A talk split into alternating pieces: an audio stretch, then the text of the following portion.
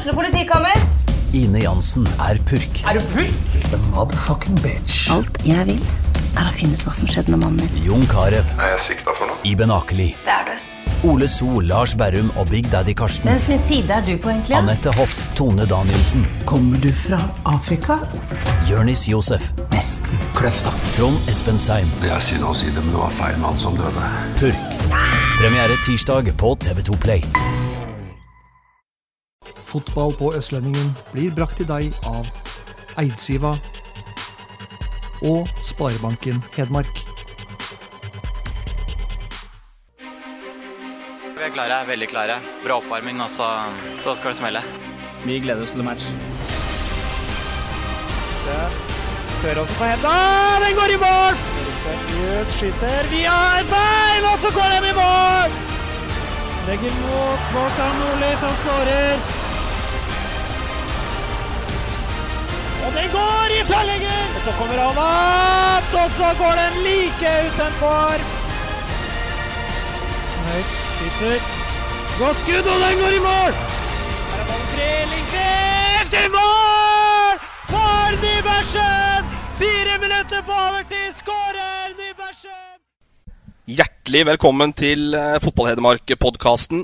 En eh, drøy uke siden sist. Det har vært påske, og vi har hatt eh, en god og deilig ferie, og vi har hatt fotballstart.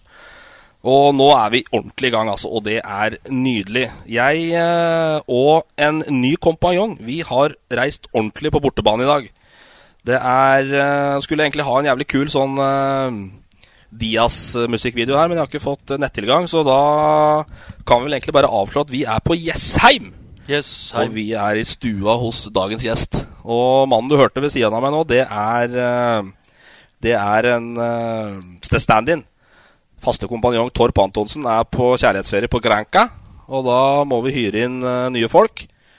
Og uh, for å ta inn han med en gang, da, så er det en som uh, jeg har skrevet er kjent som tidligere Bipp Bipp Stankelbein på Elverum fotball. Eh, der det var et bakrom, da var det bare å slå en ball og si bipp, bipp, så sprang du, Vegard Sandberg. Ja, jeg prøvde så godt jeg kunne, i hvert fall. Der, eh, det gikk jo litt utover bena etter hvert, men med strekker litt forskjellig. Men ja. Var det artig, så lenge det varte. La opp altfor tidlig, selvfølgelig. Ja, ja. Alt Kunne vært, vært stjerne. Og da kunne kanskje dagens gjest henta deg. Han ligger meget godt tilbakelent i sofaen hjemme i sin egen stue, og det er en deilig å si at vi har kommet oss eh, hit. Eh, han eh, er nok kanskje en litt større legende enn det han får kreditt for. Jeg tror at det er en karriere der som vi skal grave litt mer i i dag. Han har en strålende, strålende karriere å se tilbake på. Eh, Jeg har skrevet at han missa, trolig missa VM-sluttspillet i USA pga. skade, men fikk likevel 13 landskamper. Han er kjent ifra, mest kjent fra HamKam, Viking, Kongsvinger. Nå er han i Ullkisa og skal møte Elverum på søndag. Vegard Skogheim. Det er vi som skal kanskje si takk for at vi fikk komme. Ja, velkommen hjem. Eller, Ja. Velkommen hit. Sånn er det. Hyggelig at dere er her. Ja, det var jo helt strålende. Mitt sitter og glaner ned på Jessheim Storsenter og Ja, det er, det er byen, det. Det er Jessheim Storsenter. Så jeg er i hvert fall på hjemmebane akkurat nå. Dere sa det var på bortebane, men eh, vi er på hjemmebane. eh, faktisk første gang jeg er i, på Jessheim, og ble egentlig imponert over hvor mye de egentlig, dere egentlig har her. ja, det er, det er vi, ja. Er, vi, har, vi har det meste. Det er både frisør og ei mjølkerampe bortpå her. Så, nei da, Jessheim det bygges ut i store, stort omfang her. Eh, skal ta det, så er det jo eh, kraner, heisekraner rundt omkring her rundt i alle og kanter. Så det bygges ut eh, som søren. Takket være Gardermoen, selvfølgelig, som eh, gjorde at uh, flystripa er jo på 16-meteren til eh, på Jessheim stadion. Så det er, eh, det er helt nydelig. Kjem over, ja. Ja da. Det er eh, Det er eh, vært eh, fotballstart i uh, andredivisjon. Vi skal først innom det. Det er eh, viktig for oss i Østlendingen. Vi sitter på ruger på de rettighetene. Og skal, som, sagt, eh, som vi har sagt mange ganger tidligere, sende over 300 fotballkamper på våre nettsider gjennom hele sesongen. Og starta med et brak. eh, Sendte både HamKam, Nybergsund og Brumunddal eh, nå helga som var. Og det var en ordentlig kickstart. Masse seere som var interessert, og det er Det er Det var som vi forventa. Nybergsund ville slite mot Skeid. Det gjorde de. Absolutt. Tom Nordli eh, fikk med seg tre poeng der, og det var, eh, det var eh, Sundet vil komme til å slite, har vi meldt før i år. Mye følger du med på andredivisjon, Vegard? Ja, altså du følger med litt. Men det er klart at det er litt sånn eh, lang, langveis fra nå. Sånn. Det er jo bare en time opp. Men uh, leser jo aviser og ser hva de har både henta. HamKam har jo henta brukbart. Nybergsund uh, har vel mista litt til HamKam òg. Og, og Skeid er jo et bra lag. Vi spilte mot dem sjøl der i vinter og uh, tapte 1-0. Uh, det er jo Tom Nordli stille, 4-3-3 og og sånne ting. Så et, et godt fotballag som sikkert er med og henger med opp i, opp i toppen i den avdelingen. Og så klare meninger om hvordan 4-3-3 skal være der? Ja, det er veldig etter boka, sant, selvfølgelig. Så det, det, det var jo, det var jo spillere hører hva, hva, de skal gjøre utpå der. det, var jo en, eh, det var jo en stilstudie i forskjellige treningsstiler. Eh, altså forskjellige treningsstiler. Ja. Trenerstiler. Ja. Jan André Storbekk og, og, og ja, Tom Nordli. Men det er det som er fint med, med fotball. At du kan ha både forskjellige spillere utpå der, og du kan ha både litt høye og korte, og du kan ha forskjellige trenere på benken. Du har jo Lagerbäck som er helt layback eh, på det ene tidspunktet. og F.eks. Conte i Chelsea, som eh, nesten er tolvtemann og spiller. Så det, heldigvis er det rom for, rom for alle. Tapte 1-0 da Selv meg. Jeg hadde sett selv deg hvis jeg kommer tilbake. Den, den karrieren der som uh, har inneholdt både opp- og nedturer. Ja, det er vel sånn en trenerkarriere skal være. Skal du få opptur, vet du, så må du ha nedtur. Ja, det er akkurat det. Nå er det opp. Nå er det opp for Skogheim i Ullkisa. Uh, Tapte 1-0, da. Nybergsund mot uh, Skeid etter, uh, etter en scoring uh, like etter pause der. Og Snytt for en scoring Sunde. Ikke offside eh, der. Den kan dere gå inn på sendingen og se, for der ligger den. Dala tok uh, første stikk. Uh, de må kjempe til seg de poengene de får. Absolutt. Det er viktig å få den trepoengeren ned mot Kjelsås nå i starten. Det er alfa og omega, rett og slett. Og overbevisende HamKam. Ja, det var det. Eh, de lå vel under 1-0 ved pause, men uh, skåra fem i, fem i annen. Uh, ja, HamKam har jo heller ikke vunnet en serieåpning siden 2007 under Erlandsen i første divisjon. Men da så er det ti år siden, så det var jo på tide òg. Selv, selv. Jeg klarte i hvert fall ikke å Men jeg tror heller ikke tapte så mye serieåpninger. Hvis det du har gjort. Men vi vant jo ikke, så det er veldig bra. Jeg sendte en melding til Knappen etterpå og syntes at det var strålende strålende start. Og det tror jeg at HamKam har, har godt av en god start òg, for at um, forventningene er store. Og da er det greit å få bekrefta at de er uh, såpass favoritter som de, som de har mot uh, både Asker og i, i serien. Så det, var, det, var, gledelig for et HamKam-hjerte òg at de klarte det. Og et deilig oppgjør da på Briskeby på, på søndag mot Brumunddal. toppoppgjør etter én serierunde. Men hva betyr de oppgjøra der ja, det betyr, jeg, jeg tror at uh, det betyr mye for, for, interessen og publikum og det som er rundt. Uh, jeg tror nok spillere altså, kan, kan tenke deg, I HamKam så er det fem, seks, kanskje sju utlendinger som spiller på, på laget. De har vel ikke det forholdet til Brumunddal som uh, kanskje Truls Jevne Hagen har, for eksempel, som er fra Moelven. så det er nok mer rundt det, men det er det som er fint. At publikum har noe å se, se fram til. Det, det kan komme en 3000 eh, tilskuere kanskje i andre versjon, kanskje mer hvis det er fint vær. Eh, og sånne ting, Så det, det har mye å si for, for uh, fotballen. Og man higer jo i hvert fall på Hedmarken etter litt uh, toppfotball nå. Og da er det også en sånn bidrag godt til å stimulere fotball, fotballsansen uh, framover. Så det, det, det, er veldig bra at det er sånne, sånne kamper når det først er andre versjon på både, begge lagene. Så det, det er bra det er en kamp HamKam alt å tape. Det har jo vært noen vonde oppgjør. 16. Eh, mai-kamp. Jeg har tapt, tapt noen Brumunddal, selvfølgelig, i 2010, begge kamper. Men vi rykka jo opp. Ja, det var det året, ja. Stemmer. Ja, så, så, det var jo et, eh, et, et sårt minne, det, selvfølgelig. Og ikke minst alt det du hører etterpå av andre forstå seg på det, hvor eh, jeg blir slakta som trener og, og sånne ting. Så men sånn, det, det, lærer du av, selvfølgelig. At uh, Den lille motgangen der, det å tape et lokaloppgjør, det var helt greit uh, i ettertid når vi, når vi, rykker opp. Da. Så uh, men klart Hadde du ikke rykka opp ellers, så hadde det jo vært en ikke så veldig god sesong. Men jeg ønsker, samtidig ønsker jeg jo alt, Brumunddal alt godt. Jeg har jo vært der, og det er jo masse fine folk der, og sånt, men helst ikke når vi spilte mot dem sjøl, selvfølgelig. Men uh, jeg syns det er mye fine folk der. De jobber jo godt og, og sånne ting. Så um, det er bra at uh, Brumunddal er oppe der og kan, kan, kan krive litt er HamKam på vei eh, tilbake igjen, tror vi, eller? Ja. Eh, det tror vi, og det har vi trodd nå i tre år. Så. Eller i 40. I 40. Nei, så klart, ja, jo, altså, Nå ser det jo mye bedre ut. De fikk jo vekk Bryne og Hødd også fra den avdelinga som rykka ned. og Det syns jeg var litt rart at ikke de, mm. de to laga som da ble fjerde sist og tredje sist, de havna, på en måte i samme gruppe. Så fikk de Raufoss og K5 det var kanskje å gjøre litt mer lokalt, jeg vet ikke hva forbundet tenkte. Men det er jo, det er jo strålende. Jeg, jeg, skal aldri si at den ene avdelingen er svakere enn den andre, men det virker jo som at den andre avdelingen er kanskje litt sterkere da også, i, med tanke på, på førsteplassen og opprykk. Men uh, vi får se. Det, det, er sånne kamper som mot Brumunddal nå, som HamKam må vinne. liksom. Det er ofte du taper lokalopprør, selv om kanskje du er i utgangspunktet eller kanskje. Du er jo bedre i utgangspunktet, men det er ofte at du Det nulles ut i en uh, intens nabokrig, faktisk. Så vi får se. Det virker litt som at uh, entusiastene på en måte er tilbake igjen i HamKam. Jeg så Det var jo var det 300 stykker tror jeg, som hadde tatt turen til, eh, til Asker, faktisk. Mm. Banden har vel hatt en liten oppsving igjen? Det, det, tror jeg. Og det, det, det, ligger jo noe latent der. Du ser jo Storhamar i hockey. Da, hvis vi kan dra, dreie det dit, at publikum på Hamar og omegn de er, de er sultefòra på toppidrett og vil gjerne at uh, selvfølgelig Storhamar og HamKam skal gjøre det bra. Og, jeg tror at liksom, fotballen den ligger, latent der. Og hvis HamKam f.eks. kommer opp i første, og, som, antageligvis, eller som de antageligvis gjør, og så eventuelt videre, eh, som ikke er gjort på 1, 2, 3, men så vil jo det ta av igjen liksom, på Hamar. Og da er det jo viktig å gjøre de riktige tinga eh, da, i medgang, og ikke det er ganske lett å gjøre riktige ting i motgang, for da samles alle i bånd til slutt. Mens eh, i medgang så stikker folk litt av, og kanskje tar litt av én og, og, to og tre, liksom, og så blir det litt verre. Så det å takle suksess er faktisk noe av det viktigste å gjøre i toppidrett.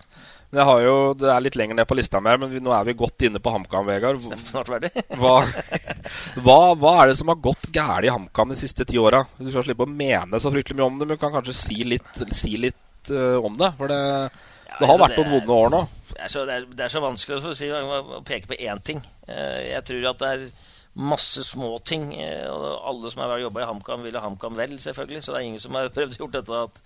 De skal, men, men, økonomi er jo en stor bit i det. Og jeg tror jo at uh, de kriteriene som kom fra forbundet, så ble det litt for mye for HamKam med, med, stadion og hele pakka og en del sånne, sånne prosjekter rundt stadion som uten at jeg kan dette 100 som, som gikk litt gærent. Og så ble økonomien gæren. og så måtte du liksom hele tida eh, både låne penger og få, få, redusert gjeld og sletta gjeld. Og du drev på sånn. Du kunne ikke drive med sporten, på en måte. Du drev med du drev siden av. Du drev, med, du drev på skattekontoret isteden. Og det, da ble det ikke noe fotballag. Eh, og det viste seg selvfølgelig. At, eh, og til slutt så, så, ga jo folk opp rundt HamKam at de kunne jo ikke slette gjeld, eller de kunne ikke gi ettergjeld og sånne ting. Så til slutt så måtte jo HamKam ta den tunge veien og Begynne på nytt, nesten? Ja, ja nettopp. Og, og, og, si at eh, vi, vi, kan bare ta vekk laget. Altså, I 2014 så måtte vi jo gi bort spillere. Og, eller spille seg ned i andredivisjon istedenfor å gå konkurs og havne i femte. Så de, da gjorde de noe riktig. da. Få vekk eh, spillere og så starte på nytt igjen. Og så har det vært en prosess nå i to-tre år nå som gjør at Eh, jeg tror grunnlaget nå for å rykke opp er faktisk mye bedre nå enn det var i 2010. når vi rykket opp. For da rykka det opp med gjeld, nå, med masse gjeld. Nå har du jo ikke så mye gjeld, antakeligvis. Jeg tror at grunnlaget nå for å komme en litt en, en, ny æra, hvis du kan kalle det det, den ligger der. Så. Nå har du en, eh, har du en fin miks av både unggutter som både er lokale og litt forskjellige, og så har du nå fått inn Begré, bl.a.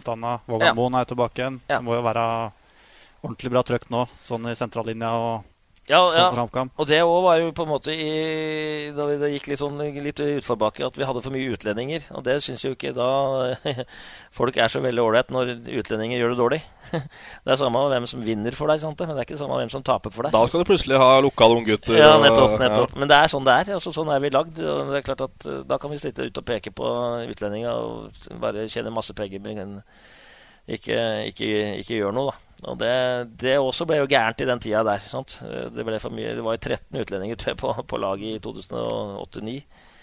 Og da ble det gærent for, for en, en stau hedmarking. Da skulle helst være naboen som, som spilte. Så det er alltid sånn at uh, det er samme hvem som vinner for deg. Hvis det er elleve utlendinger vinner for deg, så jubler du. Sant? Men hvis elleve utlendinger taper for deg, så, så, er det gærent. Sånn er det vel i alle idretter, ja, ja, så, antageligvis. Ja, da, det, er jo det, det, er, det, er, det, er, på en måte normal reaksjon. Mm.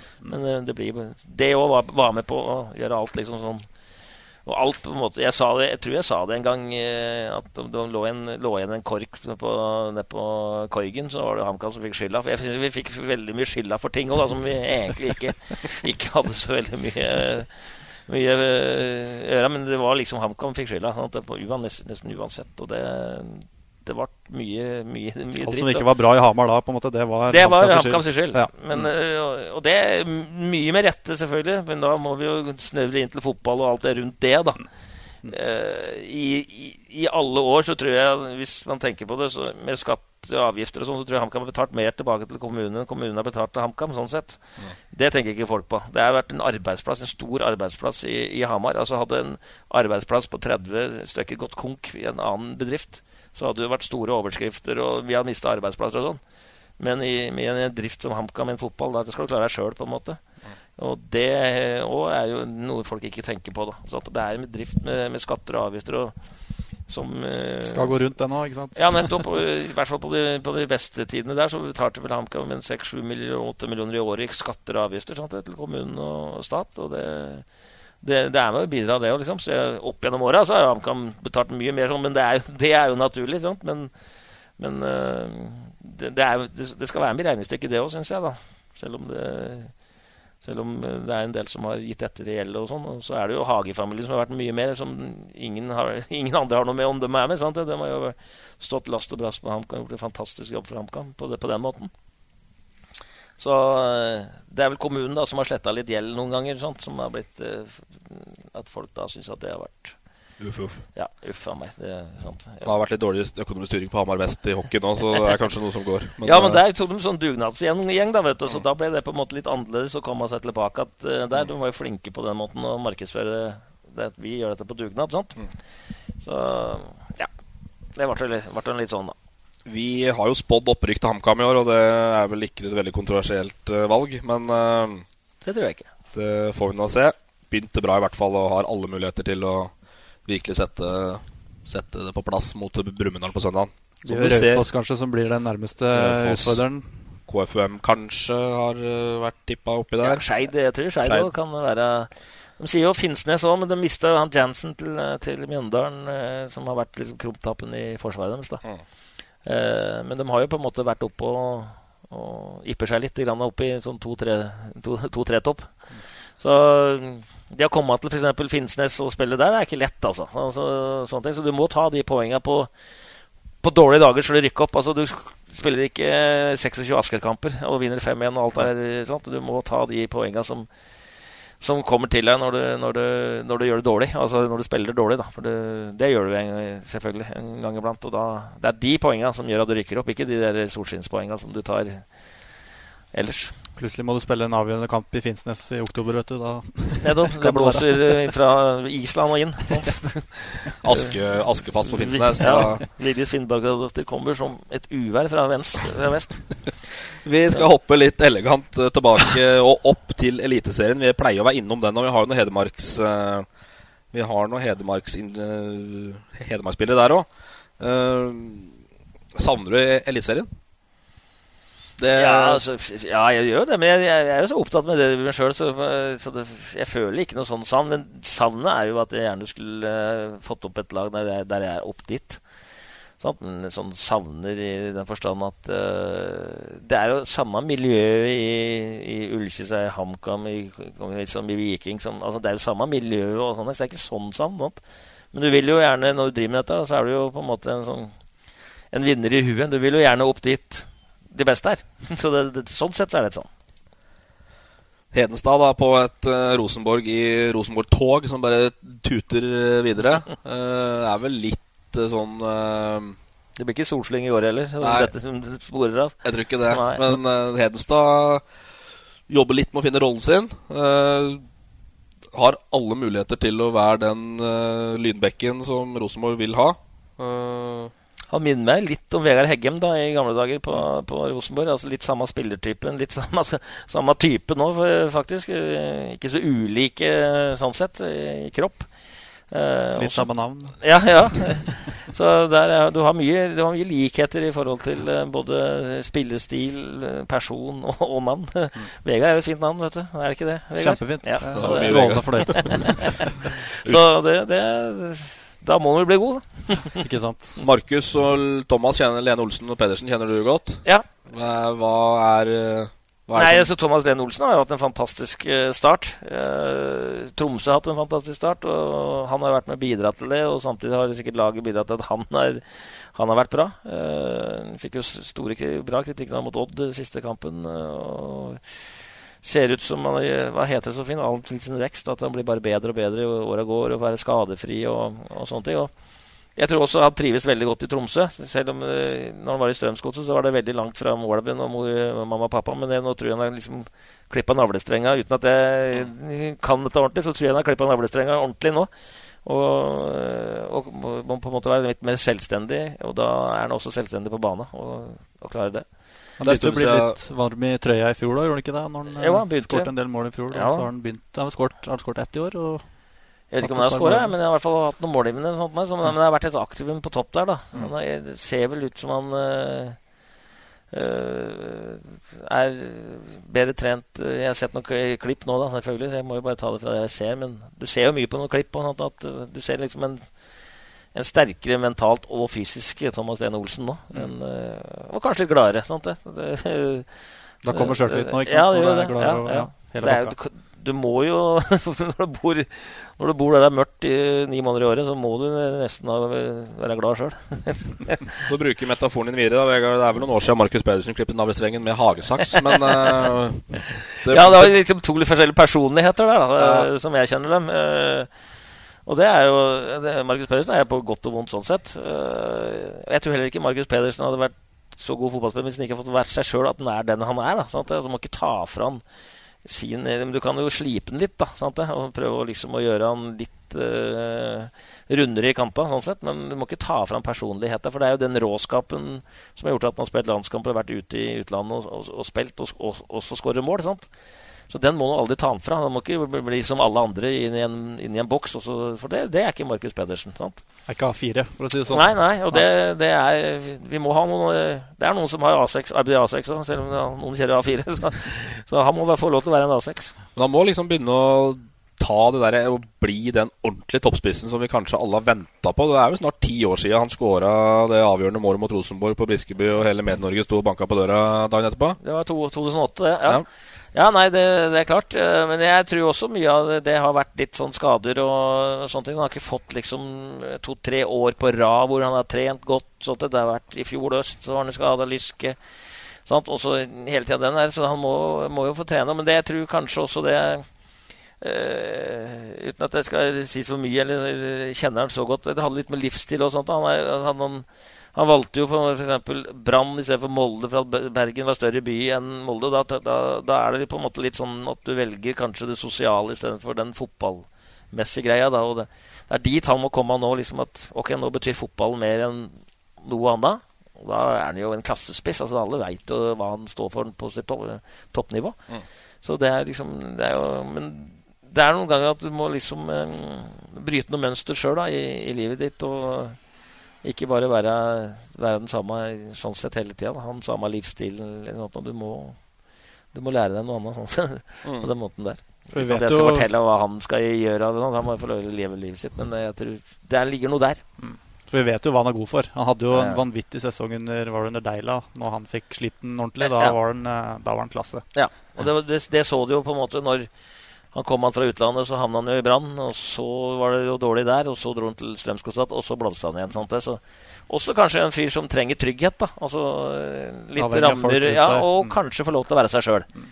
I Strømsgodset fikk han lov til kanskje mer å være seg sjøl enn kanskje i Brann, hvor de skulle kanskje forandre den. da Man Må rett og slett finne den riktige miksen på en måte mellom ja. de greiene der. Mm. Ja. Mm. Så har ikke jeg sett uh, all verdens med Sandefjord-kamper, skal jeg innrømme. Men uh, jeg ser at Storbekk plukker stadig trepoengere på TV 2-børsen, i hvert fall. Ja. Fancy poeng òg. Fancy poeng, Så du vil innom det, ja? ja uh, kanskje. Jeg vet ikke helt. Det er jo da en nyvinning fra Eurosport og VG. Uh, Eliteserien Fantasy. Altså hver manager Eller manager er kanskje å dra det litt langt. Sportsdirektør, da, på en måte. For å, kjøpe det. de riktige spillerne. Ja. Sandberg, går det bra, eller? Ja, det gjør egentlig det, da.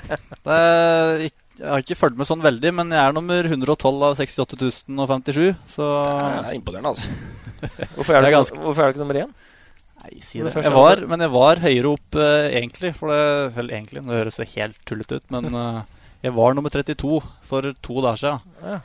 Men det var noe krøll med noen poengsystemer og litt forskjellig med noen assister og noen mål som jeg ikke hadde Tatt fra deg? Ja, rett og slett tatt fra meg. Så jeg føler meg litt sånn snytt nå, men uh, Er det lov å legge en protest på sånne ting? Og jeg tror det blir tungt. I så fall, hvis det har noe å si men, mot slutten av sesongen, hvis jeg har vært og lukta på toppen da, så kan det hende, men uh, Hva får vinneren i Fantasy?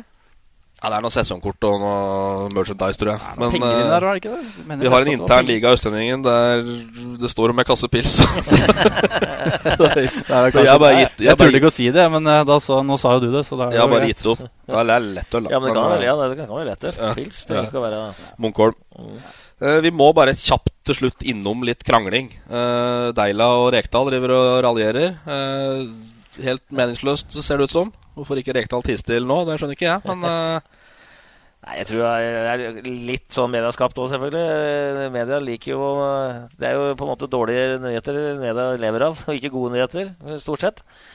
Og så er det litt, sikkert litt interessant at uh, Rekdal de ga seg i Vålerenga når Deila kom, og så tror de kanskje at det er mer krangel der fra før, og, og sånne ting. Så, og det kan hende at det er, altså, men uh, Jeg syns det sitter litt ja. når du ser Rekdal i studio på Sport på kvelden her. Sitter, det er litt Det er noe som det virker litt ulmer, altså. Ja, hvis, vi, hvis, vi, tar Rekdal i seg sjøl, da, da må han jo jo krangle med alle. For han liker jo ingen som spiller fotball. han er jo negativ som, som få, men han er jo veldig ærlig. Da. Jeg syns jo Eh, det er eh, litt bra, da, for det er jo ikke alt som er bra på ei fotballbane. Og du kan ikke si synd hver gang en ikke får til noe. Så, Nei, ikke... så jeg syns jo at uh, han er litt sånn frisk pust i debatten og som kommentator. Da, så du kan han kommenterte vel, uh, han kommenterte vel en landskamp her òg? Mot Nord-Irland. Ja. Nord ja. Da var det ikke veldig mye som var positivt. På, nei, nei, nei. Men uh, han hadde jo, det verste var at han hadde egentlig rett ja, i det meste han sa. Så ja, han er jo Rekdal er jo Rekdal. Og, ja, framstår kanskje Poenget poen er at en kommentator han må få lov til å kommentere kampen, og så får eksperten, da, såkalt ekspert Han får, eh, han får jo uh, si meninga si om hva som skjer utpå der. Sant? Men det som er litt så morsomt, da, det var jo at uh, når det er snakk om eksperter, så så jeg før Chelsea United, da, eller United-Chelsea, så var ikke Zlatan med. Og alle slakta laguttaket til Mourinho de såkalte norske eksperter. Og etterpå nå så så jeg at uh, det var kanskje lurt at, uh, at United rullerte litt nå på spissa. Ja. så du er jo ikke ekspert hvis du da slakter deg sjøl. Står i medvind, bare. ja, ja. Så det er litt sånn artig. Men det er, det er fotballsynsere, vet du. Det er ikke fotballeksperter. Det er ingen som kan bli ekspert på fotball. For det som, du kan ikke forutse ting så mye, da. Litt kan du selvfølgelig gjøre det, men uh, du må jo bare være en synser. Og, og så får du bare Fotballmener. Ja. uh, ja. Hva er egentlig kriteriet for å være en ekspert? på en måte? Det er sånn, Nei, det er ekspert i Norge er jo tidligere trenere, har jeg fått inntrykk av. Da, da, da er du automatisk ekspert. Ja, eller spiller, selvfølgelig. da. Så, nei, det. Nei, nei, det er klart Vi snur kappa etter vinden på den måten. der Det gjør jo sikkert alle på det der. Det er veldig bra halleluja-stemning på ene sida, og så mm. kommer det et sjølmål, da. Så, så er det Svein Erik Edvardsen og Terje Hauge står også i motvind fra alle kanter. Begge to. Og ja, hva som har skjedd der, det vet jeg ikke. Ja, nei, hva som har skjedd der, det, det syns jeg er litt sånn um, merkelig. Ettersom man fikk beskjed at de to første kampene skulle han ikke dømme. Men nå er det jo den femte kampen skal han heller ikke dømme, liksom. Så Han driver Heal og melder seg på i VG og greier. Og ja, det, er, ordentlig sure. Så Det er jo en personlig konflikt virker det som, mellom Edvardsen og Hauge. Det er et eller annet som har skjedd der da, som ja. de ikke klarer å ordne opp seg imellom. Ja. virker det som. Det, ja, for meg òg virker, virker, det sånn. Men det er klart at Hauge må jo ha noe mer i, i, i ryggen av, i, i, forbundet der enn en bare han. For hvis han på en måte er feil, så kan han, noen kan overprøve den på en måte. altså selv om han er sjefen for, for dommerne, så må jo noen klare det hvis det er han, de mener at han tar helt feil. Så et eller annet rart er det, er det der. Sånn litt utenfra så ser du på en måte litt, litt barnslig ut? Jeg vet ikke. Sånn, ja, ja, Noe som ikke veit noe mer, da. ja, ja, ja, det er nettopp det. Altså, det her kommer jo eksperten inn, inn i bildet ja. igjen. Det, det, er derfor han er ja, fotballmener. Vi, får, vi, får mene, vi får mene og, og tro at det er noe annet der. ja, da mener vi at det er barnslig. Det er sånn barnehagekrangel. Sånn uh, spaden min er større enn spaden. Ja, Et eller annet. Uh, vi, skal, vi må innom litt karrieren din, uh, Vegard. Eh, for å ta den litt. Uh, det var veldig mye HamKam der i tre perioder, naturlig nok. Ja, Hamar-gutt. Ridabu-gutt er du vel? Ja, jeg er fra Ridabu, ja. Det er vel egentlig Vang, da. Vang i Hedmark. Ja. Gamle Vang, Vang kommune. Vang kommune ja. På Ridabu i Vang kommune. Og så ble det slått sammen til Hamar, da, selvfølgelig. Så ble det, det Hamar-gutt. Men det er Det var HamKam som var det Jeg var jo HamKam eh, fram til eh, fra jeg var 4,5-5 til jeg dro til Bremen i 88, var det? 88, ja. Og så var jeg tilbake til HamKam i 90. Og så var jeg til Viking. Og så var jeg tilbake til HamKam i 99 igjen. Så det har vært noen, uh, vært noen turer ned på Briskeby. Ja. for da var det i 98 eller noe sånt, så var det et Da var det også HamKam ned i andre divisjon. Ja, HamKam rykka ned i andre divisjon i 98, som var i andre divisjon i 99. da. Den mm. var jo i første divisjon i 98. Da gjorde du comeback mot Grei, har jeg lest meg opp på. Greg, ja. Det et, nei, jeg, syns det var greit. Etter et, et, et, et, tap mot Grei der, så Nei Eller mot jeg, Grei. Det var i hvert fall Man trengte virkelig å få inn noe for å komme seg opp igjen. Ja, jeg tror, jeg tror, faktisk at første kampen min det, det året var mot Årvoll på, på Briskeby. De hadde tapt mot Grei. Ja, det er riktig. Så ble jeg henta inn, og så satt jeg på benken mot Lyn borte. Det tapte 2-0. Og så øh, starta jeg mot Årvoll, ja. For våre yngre lesere, du trodde at du skulle på iPad i dag, men det er, pod, det er, pod, så, så de, de, som hører på, er liksom på alderen vår, kanskje, som ikke opplevde det. Hvor, hvor, hvor, god var du? Og hvor god kunne du blitt? I, som spiller? Ja. Jeg var vel ganske Jeg, jeg liker ikke å prate om meg sjøl i forhold til det, men jeg, jeg, jeg var jo ganske god. Altså som, som det var litt annen inndeling på landslag for eksempel, før i tida. Jeg var jo på juniorlandslaget da jeg var guttespiller, som det het. da. Altså, Jeg spilte jo på juniorlag med de som var to år eldre enn meg. og sånn. Men vi var innom at du, du fikk 13 landskamper. A-landskamper. Én skåring. Jeg var jo mot Bermuda og Grenada og sånn. landskamp er landskamp. ja, ja, det er det. Jeg ble jo matchvinner mot Grenada borti, borti Karibien. Det er klart at det var jo bare de hadde røykt hasj, sikkert. Jeg var venstreback, til og med. Da spilte, spilte vi på ei cricketbane. Det er ikke tull. Grenada borte. Borte, selvfølgelig. På cricketbanen. Var 120 ganger 90 meter. Jeg tuller ikke. Bratseth, Rune Bratseth debuterte for Norge da. Han så jeg ikke på andre siden av haugen på crickethaugen. Sånn at jeg var venstre bekk. vi måtte spille oppover Når vi skulle spille pasning bortover til stopperne mine, måtte vi spille i oppoverbakke, og så over den haugen, og så bort. Så det var litt sånn uh, spesielt. Uh, og Pulgen satt jo uh, 300 meter unna omtrent. Det var sånn cricketstadion. Så men det ble matchvinner, da. Vant 2-1. Så fin borteseier. Men det sies at du, at du var veldig nær å komme altså, Eller du, du, du var på vei mot en VM-tropp i 1994. Eller altså 92, 93, 94. At du var på en måte kunne ha vært i nærheten der, og så kommer det en skade. Hva er det som skjedde da? Nei, altså det, Nei, jeg ble bare altså, Jeg var jo med i troppen på slutten i 93 da vi kvalifiserte oss eh, til, til, VM. Eh, og så spilte jeg jo i, i HamKam 94, og så skulle Drillo ta ut troppen. Og så tok hun ut 16 først, og så var det seks stykker som skulle tas ut litt sånn seinere. Uh, og Da var det ikke mobiler, og den på det. han hadde prøvd å ringe meg, da. Men det var liksom som han hadde sagt, litt kron og mynt mellom meg og Roar Strand. da så det var ikke at jeg var skada da. Men det, du tok ikke telefon? Jeg tok ikke telefon, så jeg ble ikke jeg tok ikke det. Så, så det, det var, jeg, hadde, jeg, hadde, jo iPad på den tida. Nei da. Så det var rett og slett at jeg ikke Han mente at Roar Strand var eh, hakket bedre, da. Men jeg tror jo på en måte i dag da, så tror jeg at hvis Roar Strand hadde spilt på HamKam og jeg på Rosenborg, så hadde jeg blitt tatt ut, og ikke han. da. Men det, har, det, er ganske naturlig egentlig da, for de var jo med litt i Champions League da, og, var, og var best lag i Norge, så det, det, det, er ganske forståelig, sant det. Men uh, men, men uh, det, var, det, var, jo nær. Men takka du nei til Rosenborg noen gang? Ja, to, nei, én gang. ja. Også, 93 står det her. 93 takka jeg nei, ja. Var det et lurt karrieretrekk? Synes du? Eh, Eller hvorfor sånn nei? nei? Det var litt sånn her at jeg følte meg ikke ordentlig altså Dette, dette, dette handla i 93, var med, med landslaget. Det, også i, uh, da var det Erling Hansen tror jeg, som var formann i Rosenborg. Han kom bort til meg etter en landskamp og sa at uh, vi vil gjerne ha deg til Rosenborg. Og Arne Dokken var daglig leder. Og så hadde jeg et møte med Arne Dokken i Oslo. Og så forespeilte meg det og det og den og den kontrakta sånn. Og så dro jeg opp til Trondheim i de skulle spille mot Start, siste seriekampen. Og skulle prate med Eggen og Dokken. Og så da jeg pratet med Dokken, så var kontrakta dårligere. Og så skulle Eggen prate med meg etterpå, men han kunne ikke fordi at eh, Start nei, hadde bare slått Start og vært seriemester og sånt. Så jeg var ikke så viktig, følte jeg, liksom. Eh, og når det ikke var så eh, viktig, så hvorfor var det så viktig at jeg skulle komme? da? Sånt, tenkte jeg da. Altså, så det var mye sånne der, eh, greier der. Jeg satt liksom Etter kampen så satt jeg en time alene på kontoret deres og venta på eggen. Og sånne ting, og det syns jeg på en måte var Dingla med beina føler seg lur? Ja, altså, ja, og så kommer dere inn. Altså, uke, du, du, kan dra hjem til Hamar, for, er, for Eggen har så mye å gjøre nå, liksom. Og da tenkte jeg OK. For det første Litt dårlig. uprofesjonelt, liksom? Sånn. Ja, jeg følte jo på en måte ikke Altså, du skal, du skal føle deg ønska noen ganger. Og sånt, altså, du, du, ikke at du skal overtale meg, men du skal føle deg ønska. At, at eh, nå gjør vi alt for at du skal komme hit. Så henta de vel Tom Kåre Saurik isteden, da. eh, etter det. Så, sånn sett, Men året etter ville jeg jo. Sant? Eh, men da hadde jeg jo skrevet kontrakt med HamKam. Og da ville jo ikke HamKam slippe meg for 600 000 engang. Så, så fikk jeg, da var det Bratseth som var sjef oppi der. Eh, og da, da ville jeg jo. Og jeg prøvde å jobbe litt med HamKam og hele den pakka der, og, men de ville jo ikke slippe meg, for, for, Ham- for Rosenborg tilbød jo 600 000 da. Og da hadde HamKam fått 900 000 for meg tre-fire år før det, eh, til, til Bremen.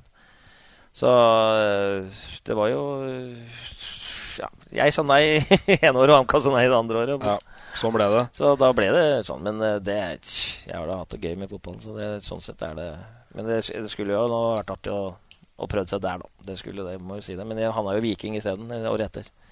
Der hadde fantastisk tid, så det var sikkert en mening om alt. Men uh, litt tilbake til 88 og Bremen, da. Uh, da ble du og Bratseth henta samtidig? Nei. Nei, det var uh, vi, begge, begge var der i 86 på prøvespill. Eh, og der, det er jo Vi har sikkert tid til historier. Ja, det er det vi skal ha. Eh, ja, og der var det jo sånn at jeg og, og Trond Solli skulle til Bremen og trene med Verde Bremen. Men så en par dager før vi skulle dra, så hadde Trond Solli sparka borti et eller annet og så knekt tåa. Så sa de at Rune kan jo være med. Sant? Liksom sånn, ja Litt enkelt fortalt, da, men altså, da, da ble Rune Bratseth med, da. Og der er jo karrieren til Rune Bratseth, på en måte. Altså Hva tilfeldigheter egentlig også betyr. I, i, om det, det er noen som sier stang ut og stang inn, men her var det skikkelig stang inn for Bratseth i forhold til det. da. Men da tror jeg faktisk ikke, og der kan jeg bare si med hånda på hjertet, at jeg har aldri spilt bedre fotball enn den, den uka jeg var i Bremen. Eh, da var jeg på det Altså, det var helt, helt øverst. Det fløt? Ja, det fløt den, den uka der, og alle trodde at den skulle hente meg. Eh, men da var det jo sånn at eh, på den tida så var det jo to stykker utafor EU som kunne spille i Tyskland. Og de hadde en som heter Bruno Petzey fra Østerrike, som spilte stopper. Og, så da kunne de ikke, og det var heller ikke EU-land, og da kunne de ikke hente to fra Norge. Så da henta de Bratseth, og Otto Rehagel, som var trener da, han var veldig glad i litt eldre spillere. Men det hørtes ut som det var noe gærent her. Det var ikke det. Var at De de skulle være rutinerte. Ja, ja, de skulle være rutinerte, og de skulle ha liksom familie og være liksom sånn De skulle være fast, da, på en måte. sant? Eh, og så var det sikkert noen på po- posisjoner, selvfølgelig. Og så havna jeg der eh, halvannet år etterpå bare trente en gang til, og så fikk jeg kontrakt. da. Så jeg måtte prøve å spille to ganger. da. Så jeg var overbevist i hvert fall to ganger. da. Double trial. Yes. Men det ble med tre kamper. Ja, Bundesligakamper ble vel tre, og så hadde jeg en par cupkamper. Men det, er- det var ikke så rart, for jeg var ganske ung. Jeg kom da eh, tre, tre uker før seriestart, og nå hadde blitt seriemestere. Nå var jo seriemestere i juni i, i 88, sant det? 87-88. Ble seriemestere. Og så kom jeg 20. juli, og da hadde vi jo spilt inn lag. og derfor, så jeg, det var jo meninga, at jeg skulle liksom ut og prøve meg litt, og så, og så komme året etter sånn på laget og sånn, da. Men så, da, da fikk jeg beskjed at jeg tror det var fire eller fem kamper før slutt. I, i, i 89 så fikk jeg beskjed av Reagel at eh, nå skal du spille liksom, de kampene som er igjen. og sånn da. Så kom jeg innpå innpå mot Nürnberg, og så på tirsdag på trening etterpå så gikk, røyk jo korsbåndet. Så da var det bare å dra hjem. Ja, for det har vært noen skader opp igjennom. Ja, det begynte jo med korsbåndet. Det begynte med det korsbåndet der. Eh, Og det har, Kne har jeg ikke hatt problemer med etterpå, men eh, jeg har hatt veldig mye problemer med leggene mine. og sånt. Jeg måtte operere tre ganger for compartment syndrom. Høres ut som det er Hørtes Høres ut som det er noe oppe i huet, men det er ikke det. Det er, noe, det er, noe, det er ikke syndrom oppi der. Nei, det er rett og slett at muskler blir for trange for, eh, for, ja. for den sokken du Ja, ligger i ja. inni, inni musklene. Så Emil Silnes måtte jo amputere, eller amputere, han måtte jo skjære av vekk en muskel pga. det. Mm. Eh, og det hadde jeg litt problemer med, så jeg, jeg fikk det liksom ved jevne mellomrom. Og, det- og det, det gjorde at det, det, det hemma meg. Og til slutt så ble jeg liksom sånn drittlei å sykle og svømme og løpe. Eller jeg kunne ikke løpe så mye, da, men sånne andre ting. da Så jeg gjorde nok ikke Det var vel kanskje en par år da jeg ikke gjorde alt jeg skulle. Eller sånn til, da, da begynte jeg å nærme meg 29-30 år, da. Men eh, jeg skulle nok ikke jeg skulle, Det var der jeg kunne gjort noe, noe bedre sjøl, da. Men jeg ble drittlei, det, det er også. Jeg syns jo fotball var det artigste. Sant? Å spille fotball. Ikke sykle fotball. Det er jo, det er jo, en idrett. Det Driver jo- med ja, det, Nederland, det. ja, ja. Så det Går på bekostning av motivasjonen motivasjon, dette, vet du, når det er Ja, det gjorde det til slutt. sant det? så, ja. Så det begynte at i HamKam med 99, da, sant det? så var det ålreit. Men i 2000 så fikk jeg den samme skaden i andre leggen. Da var jeg kasta en håndkle midt på sommeren. Jeg orker ikke å dra på Briskeby engang. Jeg, jeg, jeg tror ikke jeg var på Briskeby en måned. Jeg bare sa fra til Conny Carlsen. Nå orker jeg ikke å komme ned på. Jeg blir bare drittlei. Så ble, ble jeg med igjen litt på høsten. Da, for jeg ble jo, det går jo over hvis du bare hviler. Sant? Da går det over. Sant? Men det er jo dritkjedelig å hvile, da. Når du skal spille. Åssen likte du profflivet? I Tyskland? Nei, det Du har jo ikke det bedre enn det. Du drar på trening på morgenen, og, sant? og så drar du hjem igjen litt. Og så drar du på trening på ettermiddagen, og så trener du to-tre timer om dagen, og så kan du gjøre akkurat hva du vil ellers, på en måte. Ikke hva du vil, men du har i hvert fall mye fritid. Hvordan var det sosiale livet nede i Tyskland? da? Det var veldig bra. Eh, man hadde noen skrekkeksempler, hørt i hvert fall, da, at eh, her kommer det utlendinger som skal ta jobben din, og du blir sparka ned på trening og sånn. Men det, det Bremen var en fantastisk Og det var litt Reagel sin greie å ha liksom familie, fami- familieklubb, på en måte. Både utafor bana og som, eh, og som, som klubb. Eh, så det var jo helt fantastisk. Det var eh, Hver gang en hadde bursdag, så var det ut og spise etter, etter trening. Eh, Han betalte jo Gilde. Men det var kanskje var smørbrød, og, og tyskere er jo glad i øl, da, så det var to-tre øl på tyskere. Jeg og Bratseth, vi drakk jo Fanta, selvfølgelig. Så, så det, sånn sett sosialt var det veldig bra. Jeg var jo 50-årslaget til Reagel var jeg, altså treneren inviterte alle i 50-årslaget sitt. Så det, det var ikke det Ordentlig sabbal, da. Nei, det, var ikke det kalde, det var ikke kalde skuldre der, altså. det var varme hjerter, faktisk. Ja, det var det. Ble du god i tysk, eller? Oui. Oui. sa, sa, han, sa han på fransk. For jeg har hørt en historie om at du skulle til tannlegen der, ja. Ja, det er fint. Hva skjedde? Jeg dro til tannlegen, jeg. Og skulle, skulle skifte plom, plomber? Nei, Jeg kom jo, det er også en, så jeg kom jo rett fra militæret, vet du. Sant? Tjente 64 kroner dagen til Bremen. sant? Og så, og så hadde jeg en sånn Siste tida i, i militæret så hadde jeg jo en verketann. Så da hadde Bremen hadde selvfølgelig en tannlege, så jeg dro til han. da, Han, han bare trakk den med en gang. Og han legen på, tannlegen på Elverum på Terningmoen han hadde jo stykket hull på alt nedi kjeften min her, sånn med sånne digre nåler. Og så var jeg sånn, og så bare trakk han, og så spurte han meg, da Men han spurte meg på engelsk, da. Jeg, så det hadde ikke noe med tysken sånn å gjøre. Men han spurte meg om jeg ville skifte plomber. Men da trodde jeg liksom at det var å ta vippe ut de plommene jeg hadde, og så sette inn nye hvite plomber i. Men han, det viste seg at jeg satt tre og en halv time i, denne- i denne stolen, og så slipte han alle tennene mine fra hjørnetanna bakover på bekk, opp og ned. Sånn at jeg så fikk jeg porselentenner, da. Sant? Jeg er jo faen meg Jeg er jo så dyr i trynet her nå at uh, sånn. Det koster jo 75 000 kroner. Vi går og betaler på det ennå i dag, ikke sant? men, eh, men eh, så det var liksom ikke så mye igjen av lommeboka etter, etter det. Men uh, heldigvis hadde jeg forsikring, da, så det var sånn Jeg betalte jo ikke 75 000, ja, men det kosta 75 da, altså. Det er, jeg tror jeg betalte 30 000. Det var mye penger den tida. og sånt. Mm, klart det. Å betale 30 000 i 88 for tenna dine. Det er ikke noe bidrag å gå tannlegen i år, tror jeg. Eller nå, ja. Nei, til alle, alle der ute. Det er mye bedre å kjøpe en tannkost til 10 kroner altså, og så ha ordentlige tenner. enn å... Pusse tenna kvelden og morgenen. Ja. Som du skjønner, så har vi dine informanter her eh, som vi skal komme litt tilbake til etter hvert, som har vært ute med kjeften litt. Um, og så ble du trener. Var det en selvfølge? Ja, jeg følte vel kanskje på slutten av vikingtida sånn at jeg ble mer trener enn spiller utpå der. og det var, det var på godt og vondt, det, altså. For, for trenere, liksom. At du ble Jeg tenker på etterpå at eh, det var mye jeg satte fingeren på, liksom. Og du ble en trener i huet. Sant?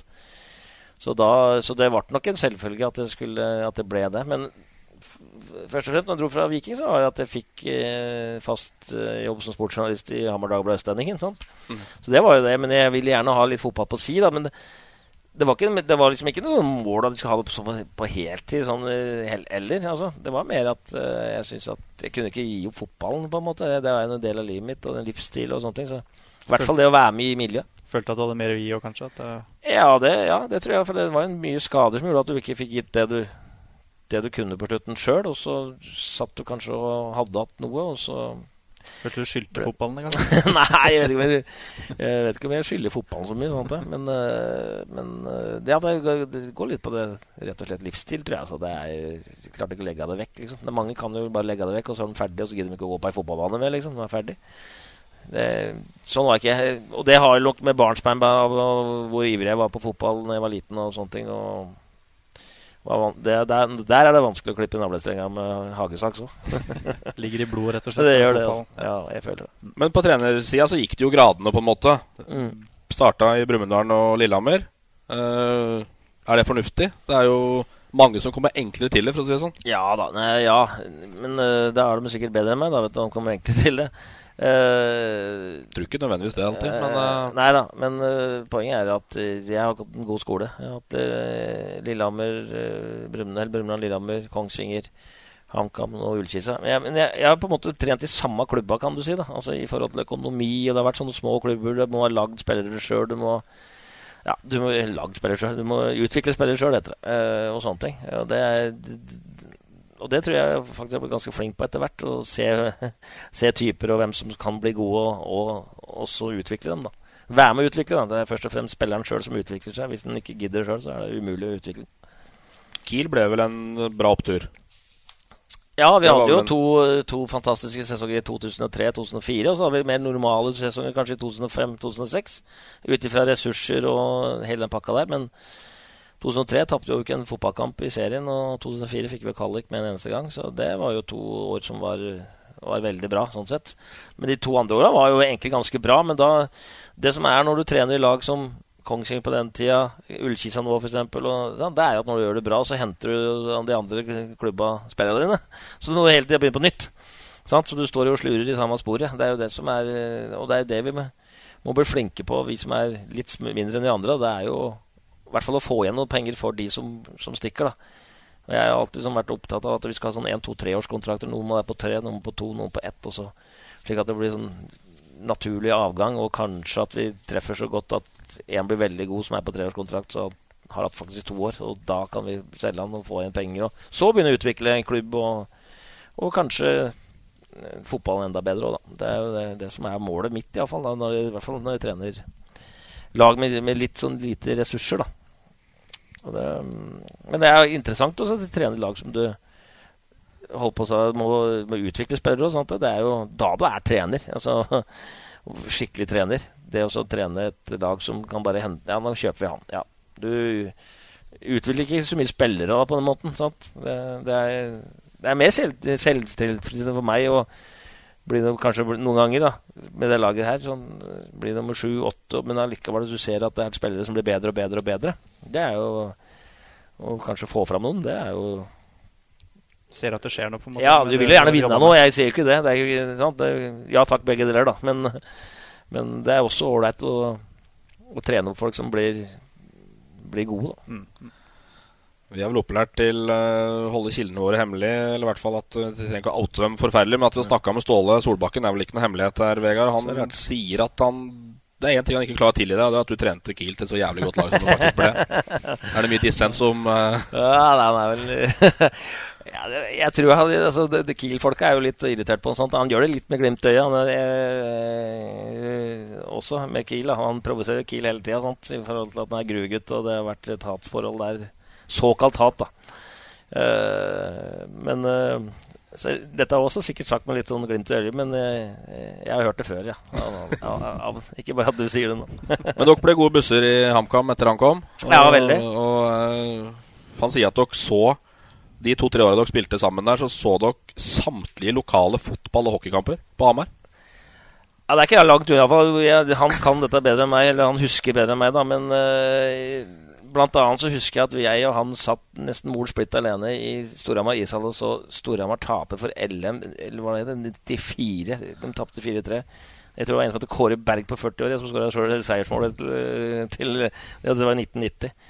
Vi var på Løten, vi var i Brundal. Vi var, vi var vi, Av ren skjær fotballinteresse? Idrettsinteresserte. Ja, ja. Skikkelig idrettsinteresserte. Og Syns det, er ålreit. Og miljøet sant, det kommer på forskjellige steder, og det er mye i positiv forstand eh, snåle folk rundt omkring som, eh, som uh, snakker mye og kan glise og lære deg mye. Og du, du fanger opp noe hele tida. Selv om det er en tredjeplasskamp, så fanger du opp noe hele tida. Uten at det Du drar ikke dit for en måte, at det er faget ditt, sånn sett, da, men du, du, fanger opp noe hele tida. Um, vi hadde en veldig fin tid da på Hamar i de åra der. altså. Og så sier han Ståle at du Det er litt sånn vi kjenner deg, at han sier at uh, du har kanskje litt sånn undervurdert fotballhode. Han sier at uh, den glade personligheten din gjør at sterke fotballhodet kanskje ikke kommer godt nok fram alltid. Er det sånn at du føler på det sjøl òg? Jeg har ikke tenkt så mye over på det, men jeg kan nok tenke det Jeg får vel høre liksom at det er humør og liksom at det er litt sånn Hva skal jeg si? At det blir, at det blir for mye fleip, på en måte. sant det? Uh, men jeg er jo av det, den form at du kan fleipe litt i garderoben og du skal ha noe der, men når du kommer liksom over den streka, at du ikke klarer på en måte å snu om da, da. Men jeg har også hørt det liksom, av noen spillere på evaluering og sånn, at det er vanskelig å vite når jeg fleiper og når jeg er alvorlig. på en måte, sant? Altså, det er liksom kanskje den brytninga som kanskje har, eh, som henger litt i forhold til eh, andre. da. Men jeg, jeg føler jo meg fotballfaglig sterk på en måte, altså med det jeg kan, da, eller det jeg vil. sant? Uh, så der føler jeg meg Vi har mye å lære, og held, heldigvis. Alle har vel det. Uh, Men det er jo altfor mye en 4-4-2 og neste kamp. I hvert fall vi som prater med flere av dere ukentlig og daglig. Ja, og jeg føler liksom at uh, Bare for å si det sånn, sånn da, Når jeg gikk på sånn prolisenskurs, da og der har du jo masse dedikerte folk. Altså, driver på, vi driver fra, fra 8 om, kvelden til, nei, 8 om morgenen til 11 om kvelden. Sånn det. det går jo i 24 timer omtrent i sju dager i uka da.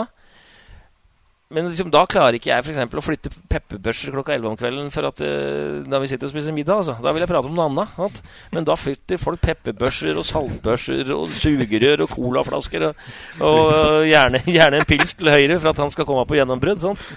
Det, det, sånn, sånn, klarer ikke jeg. Liksom. Og da kan det hende at jeg blir kalt useriøs, da. Men jeg, eh, jeg er ikke det. Sant? Men jeg, det er noe, jeg, jeg klarer på en måte å og, og, få vekk tankene på fotball noen ganger. Sant? Hvis jeg skulle liksom tenkt det, hadde jeg ikke fått sove. Sant? Det, det, ja, så det blir litt, noen ganger blir det litt for mye saltbørser og pepperbørser for meg. da, sånn, i, i, i, hvert fall på sånne kurs. og så spør Solbakken til slutt da, hvem har hatt tidenes antrekk på Svareberg, altså et utested i Hamar? det var på Garfield Ståle Solbakken. Hvor jeg og Ståle vi satt hjemme hos meg, og så skulle vi ut. Eh, dette var selvfølgelig midt på vinteren, når vi kunne gå ut. Og vi fant fram ei skjorte og en jakke til meg. Og jeg tror jeg ble flytta rundt fra mann til mann på, på det utestedet. Og alle gliste av antrekket mitt. Så det, det var ei brun, brun eh, dressjakke med noe sånn blå, rutete med sånne nei, det, det, var noe sånne, var sånne mygg eller sånt på den skjorta. Det så ikke ut. Det var helt jævlig. Jeg er enig i det, men jeg har aldri vært noe motløve. Da, så jeg tror jeg kom på, på videregående skole så kom vi i oransje sko. Olabukse, rosa belte, rødrute skjorte og ei oransje jakke. Jeg, jeg trodde det var fin. Men, ja, det var ikke på trassen, nei. Nei, nei, jeg trodde det var fin. Jeg så ut som en klovn. Jeg vet jo det etterpå, men jeg trodde det var fin. Jeg, alle lo jo. Jeg hadde rosa plastberte til og med. Sant?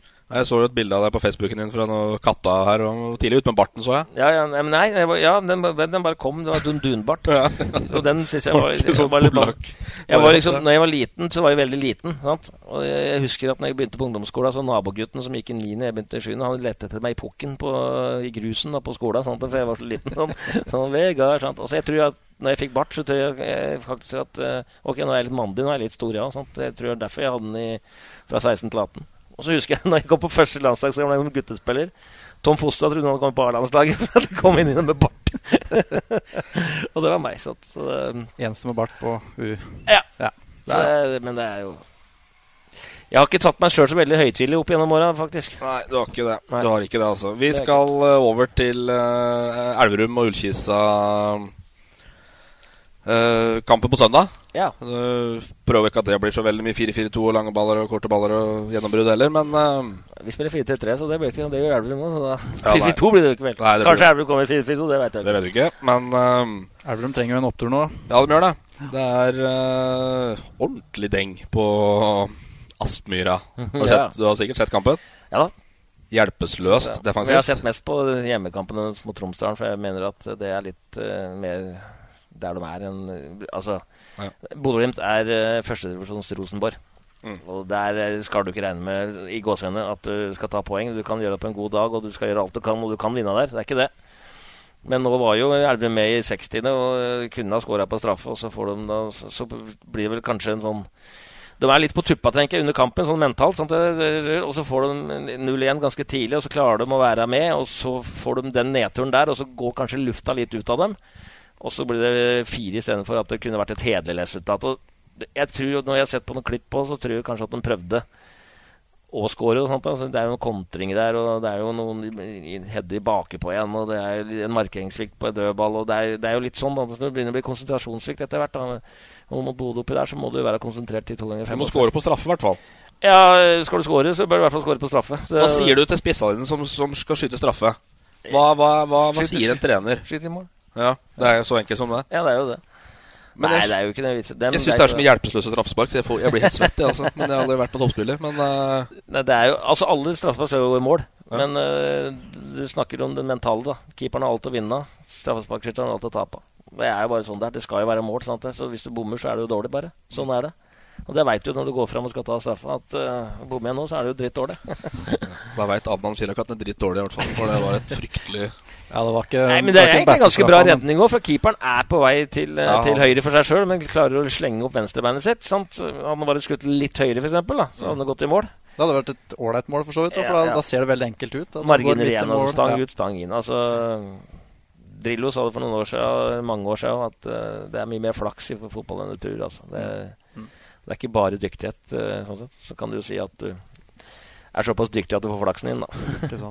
litt traurig på Elverum da, så langt, men uh, drømmestart på Jessheim. Så godt som. Ja, ja vi, så vi, vi, er jo ett minutt unna ni poeng. På seg. Vi slapp på overtid mot Levanger. Uh, har jo, Nå, nå slo vi jo strømmen, men før det så, så hadde vi jo ligget under 1-0 i begge kamper mot Levanger og Arendal. Men det er en fantastisk moral i laget. De er, uh, Ut ifra hva vi kan gjøre, så er i hvert fall vårt lag godt trent. Kan hende at andre lag er bedre trent, men vi er i hvert fall godt trent, så godt trent som vi kan gjøre det. Eh, godt organisert eh, og sånne ting. Og har eh, Jeg tror at eh, at Ullkisa er undervurdert i forhold til Ullkisa. Det er mange som ikke ser på, ser på spillere, men de ser på navnene Ullkisa. Ser du på Bodø-Glimt? Ja, Bodø er bra. Sant? Fredrikstad? Ja, det er Fredrikstad er bra. Sant? Det er de ikke. har de vist. Nei, altså, men det er sånn man tenker før seriestart. Mange som flyter på navn. Det er jo ingen som eh, altså, Og før seriestart nå, så eh, Florø og Tromsdalen, eh, det var to lag som kom til å ligge der. Mm. Elverum og Arendal var det, var de to opprykkslagene som kunne gjøre noe. Ja. Men det er omvendt. Det kan jo skje, det. altså, Jeg sier ikke det, men sånn er det liksom bare akkurat nå. Men vi er vi er, vi er ålreit, vi. Men vi er ikke mer ålreit enn at hvis vi slapper av, så blir vi dritdårlige. Så, sånn er det. Vi må jobbe som et um, men det er det, vi skulle jo prøve å avtale i dag, og da var det etter halv seks. For da er det siste trening. Det er to økter i dag. Mm. Er det hver dag? Nei, er det, nei, det er ikke full proff uh... Nei da. Vi, vi, vinteren er litt annerledes. Da har vi ganske ofte to økter. Uh, men uh, i serien så vi, prøver vi å få inn to økter på torsdager. Hvor vi har ei styrkeøkt på morgenen og så, og så er fotballøkt på ettermiddagen. Hvorfor er Skogheim og Kisa gode matcha? Nei, fordi jeg passer til alle, sikkert. Altså. Rudekatta? nei, altså Jeg tror i, i, fjor så begynte jeg å lære Ullkisa å kjenne. Sånn at det er litt annerledes å liksom hoppe inn i en sånn klubb som eh, Du har en del personligheter der fra før som, som har jobba der i mange år, som veit på en måte hvordan Ullkisa skal være. De har, de har henta inn spillere for det året, nesten. De har gjort alle treningskamper. Treningssyklusen er er ganske lik. Mens nå har jeg på en måte vært der et år, fikk sette litt mer fingeren på ting eh, gjennom vinteren og spillestil og hele pakka. Eh, spillestil hadde jo i fjor òg, men i fjor var det litt mer at jeg følte at vi hadde mer 4-4-2-lag enn vi hadde 4-3-3-lag. og sånne ting, Så vi begynte med det, da, for det var de bra på året før. Eh, og så fikk vi fire skader på spissa, sånn, så vi måtte legge om. og sånne ting, Så jeg føler vel kanskje at det er bedre match i år i forhold til at jeg har fått et år lære dem å kjenne, og at dem kjenner meg, og at jeg kan få gjøre litt mer ut ifra mine tanker fra, fra, november i fjor da, til, til, nå. Er du glad for at du har skifta navn til Obos-ligaen, og ikke Adecco-ligaen? Da ser det kanskje enkelt ut, men det er ikke enkelt. Altså, Gutta må opp på det nivået de er. og da, da har vi så, såpass mye bra enkeltspillere, og så er vi så bra som lag at da, da skal vi slå de fleste, eller de første Adecco-ligaene. Adecco-ligaene. det har jeg ikke tenkt på. Nei, skal vi se, da. Her får Raufoss. 2000 og et eller annet. Unge Skogheim sliter litt med Ola i et intervju med Østlendingen. Da ser det kanskje enkelt ut, men det er ikke enkelt. Altså, Gutta må opp på det nivået de er. og Da, da har vi så, såpass mye bra enkeltspillere, og så er vi så bra som lag at da, da skal vi slå de fleste eller de første. Ja, ja. Husker du det? Husker du Adekolekalaka? Ja, jeg, jeg husker jo nå da jeg fikk høre det, men uh, Litt morsomhet. Jeg, jeg, jeg, jeg, går ikke, jeg går ikke rundt og tenker på det. Nei, du gjør ikke Adekolekalaka, den har vi kost oss med. Den kommer opp igjen innimellom, så vi måtte bare vise den. Artig ord. Høre den. Ja. Det er kanskje det burde noen het, det. Ja, kan kalle den det neste gang. Ja. Um, Kanskje tilbake til uh, kampen som kommer nå til helga, Ja. mellom Kisa og Elverum på Elverum stadion. Det blir jo Åssen blir den kampen, tror du? Den blir tøff, for at uh, det er jo Å ha på seg statistikk kan jo brytes, men uh, når et lag taper 5-0, så eh, lokker de bak. Og så uh, skal de i hvert fall ikke slippe inn fem neste kamp. Og det, er, det blir målfattig, pleier å gjøre det etter, etter sånne, sånne braktap som man, man får. Tror du det blir en krig? Ja, det tror jeg. Jeg tror det blir mye duellspill og, og sånne ting. Så um, tipper at øh, Elverum øh, kommer til å ta lite risiko, satse på kontringer, dødballer og sånne ting. Og gjerne se om de får kampen i sitt spor etter hvert da, og kan, kan øh, kjøre spillestilen sin, som er 4-3 til det, og formasjonen i 4-3-3 og kanskje litt mye innom, innom midten noen ganger da. da. Men jeg tror det blir en del langt fra stoppere og sånne ting som jeg, som jeg har sett. Og det, vi er forberedt på, på det. Men vi skal alltid være forberedt på alt, og så ikke tro at uh, Alt er ikke skrevet i, i dag, liksom. I hva de kommer til å gjøre om, om, om søndag. Så får vi se om vi klarer å håndtere det. Men de skal jo håndtere også. Så Ikke sant. Det er to lag utpå her. det er jo Ser du litt potensialet på Jessheim? Var jo kvalik i 2012. Ja, det var for at HamKam mista to poeng pga. økonomi. Ja, det, men det teller med dem. så ellers har de ikke vært der. Nei, nei De kommer jo helt, til- kvalikfinalen, da. Ja da, ja da. Tok seg helt den siste matchen der. Ja, Og, tapte jo så det sang mot Sandnes Ulf, men eh, ja da. Det, jeg, jeg vet ikke om vi skal tenke så langt fram, for det er- kommer til å bli eh, ganske langt fram. Altså, du kan jo i forhold til eh, at du har flaks en gang, og så havner du der, men uh, som klubb og som Det lureste er å ta steg for steg. Og ikke hoppe over noen steg, og plutselig så er du i tippeligaen, kanskje. Og så Nei, dette gikk jo ikke. Og så kan du bare plutselig, plutselig Alt raser, liksom. Så det viktige er at klubben har et fundament når eventuelt det, det skjer. Eh, når det skjer, det kan Det må gudene vite. For du tror det kan ligge et potensial i Ullkisa at um, noen år kanskje kan være eliteserielag? Ja, det ligger nok potensial i, ganske mange lag eh, som kan bli det. Men du, du kjemper jo mot eh, noen krefter som heter økonomi. da. Og det, det er jo mer økonomi i de lagene som er i, i Tippeligaen i dag, enn det er de 15 skarve vi har. liksom, Og det er med yngres avdeling og hele pakka. Sant? Så det, det må jo skikkelig løft til, skal du, skal du det. Men uh, vi bygger jo stein for stein. og Nå har vi jo utvida støtteapparatet med profesjonelle og sånne ting. Så eh, vi er på vei til et eller annet. Men eh, om det er eh, tippeliga om eh, tre, fire, fem år, eller om det er eh, stabilt Obos-lag, det, det får vi se. Sandberg, du er jo en ivrig tipper. Du kommer slentrende på jobb i en sånn der, joggebukse med et utenlandsk spillselskap klistra over hele ene benet. Eh, hvem Kan vi vinner på si søndag? hvilke spillselskap Nei, det er ikke lov. Nei, det er ikke lov. Er ikke lov Hvem Norge. vinner på søndag? Hvem som vinner av uh, Ullskisa Elverum? Yes! Jeg tror Elverum vinner 1-0. Oi. Der går snusboksen til der, ja. Solheim. Det var i hvert fall siste gang han er invitert hit. Ja. Hjem. Det var koselig. Ja, det var koselig. Nei, ja, men skal få lov å tippe hva han eh, vil. De fleste som tipper, vet du, tipper jo feil. Ikke sant. Men jeg tror du blir målfattig. Det er det tror jeg, ganske sikker på. Det tror jeg, òg. Men vi har jo vært veldig effektive i det vi har drevet med. Da, og vi har skåra veldig mye på slutten. Så at vi har fire av, disse, av måla våre så har kommet etter 80 minutter. Så um, vi gir oss ikke. Selv om Elvum leder 2-0 og det er hatt uh, fire minutter, så har ikke vi gitt oss. Altså. Men Nei. vi skal helst lede 2-0. Det er jo det som er poenget. Nærmer oss slutten her, men jeg har også prata med litt andre kompiser, Vegard. Åssen er du på fotballtur? Altså ikke på med lag og spillere, men med kompiser. Eh, og når du skal stå for billetta, åssen går det? Det går jo bra til slutt. Gjør det? Alt går jo bra til slutt, men uh, er, du er en sånn type der det meste går bra til slutt, tror jeg. Men uh, Ja, du lander på beina. Men, i Southampton så fikk Det er jo ikke ikke min feil.